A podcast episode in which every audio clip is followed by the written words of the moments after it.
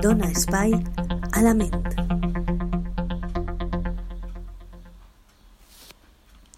Hola a tots i totes, benvinguts una setmana més a Dona Espai a la Ment. Avui vull parlar-vos d'un tema que segurament, per el nom d'aquest, no sabeu del que parle. Me referisc a la procrastinació. Bé, eh, el que dic, pel nom segur que no coneixeu el que és, però si tu eres dels quals que deixen les coses per a després, ese tema per a tu.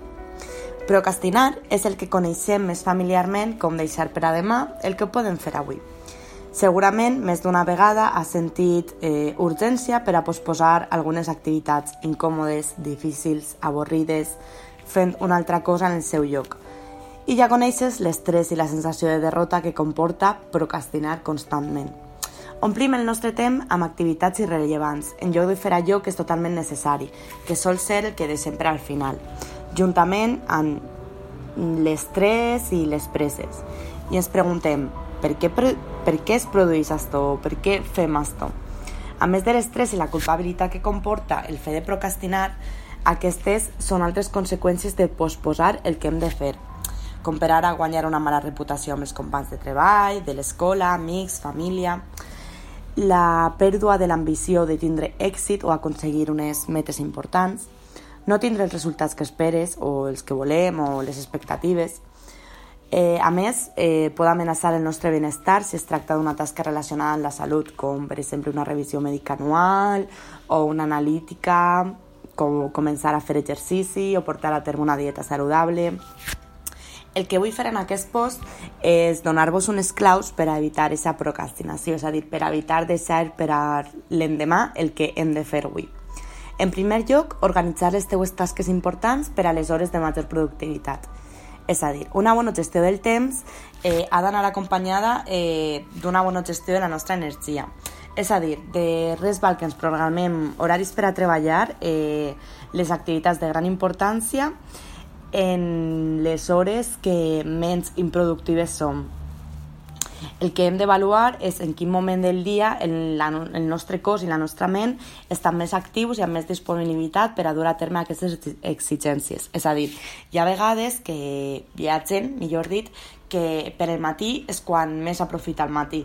Eh, les primeres hores, o sigui, preferís alçar-se i matinar, per exemple, per estudiar, prefereix alçar-se a les 5 del matí per a posar-se a estudiar que estudiar durant el dia. O gent que al contrari prefereix descansar durant el dia i utilitzar la matinada per a estudiar. És un exemple. És que cada persona eh, sap en quines hores del dia és més actiu i pot aprofitar més aquest temps. En segon lloc, treballar en un ambient adequat. Bé, per a millorar la productivitat i aconseguir les coses importants, com evitar la procrastinació, és vital que treballem en un ambient productiu, que tinga una, una influència positiva en nosaltres per al desenvolupament de les activitats, com per exemple un espai ben il·luminat, sense elements distractors, però amb factors que, que te omplin d'inspiració i mantinguen el, el teu estat d'ànim. En tercer lloc, voler és poder. Quantes vegades hem escoltat aquesta frase?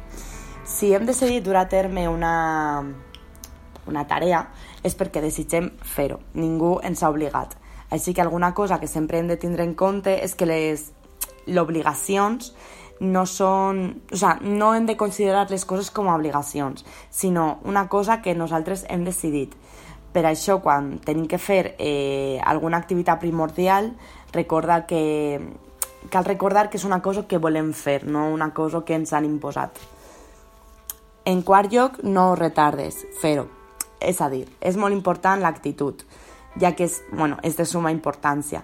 Eh, la productivitat i l'entusiasme són claus per a, per a poder eh, deixar de costar la procrastinació. Un emprenedor és optimista i que, que quan té tasques que, que, perdó, que exe, executar no les proposa i les realitza sense deteniment, és a dir, sense posar traves ni excuses. Eh, nosaltres sabem la importància que tenen les tasques que hem de fer i de cada detall que, que omplin aquestes tasques per aconseguir el nostre objectiu principal i per així convertir-nos en grans emprendedors en contra de la procrastinació. Eh, per últim, com evitar la procrastinació quan tens por al fracàs? Bé, tal com hem dit abans, l'actitud d'un emprendedor és vital per a l'èxit. Ser positius en tot moment es permetrà poder plantar cara als problemes, superar els obstacles de la millor manera. És, és algo normal que existisca el temor al fet de que la nostra idea no funcione o que no reba l'acceptació del, dels altres o que podem fracassar, però a la fi el fracàs és algo que hem d'acceptar i valorar en cada moment de la nostra vida i en cada situació. Podem fracassar en el treball, podem fracassar amb la família, podem fracassar amb la figura de pare, mare, d'amic, amiga, germà, germana. És a dir, és algo que hem d'acceptar que en qualsevol moment podem no no complir les expectatives que algú té de nosaltres. I això no, si, això no significa que siguem millors o pitjors persones, sinó que cadascú té unes expectatives i no podem estar a l'altura de totes les expectatives. No sé si m'explique. Hi ha vegades que jo, eh, els meus límits o les meues metes no seran les mateixes metes de la meva parella o de la meva mare i en lloc de sentir-me fracassada o impotent, he d'acceptar-ho i he de fer front a això de que totes les persones no són iguals i el que a mi m'afecta d'una manera a la persona que tinc al costat no l'afectarà de la mateixa manera.